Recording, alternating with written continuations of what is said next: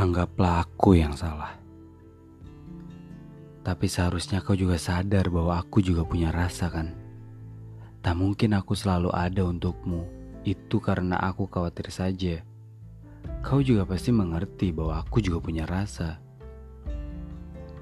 Sudahlah, tak usah saling berdebat panjang. Aku sudah mengerti beberapa hal sekarang bahwa yang menyebabkan kita berada di ufuk yang berbeda seperti sekarang ini bukanlah karena dulu kau kusuruh pergi, melainkan karena dulu kau menunggu alasan yang tepat untuk pergi melangkahkan kaki.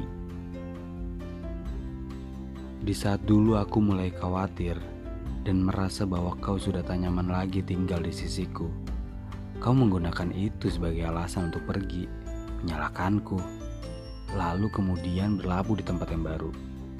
Sudahlah, kau nyatanya memang tak pernah ingin menetap di sisiku.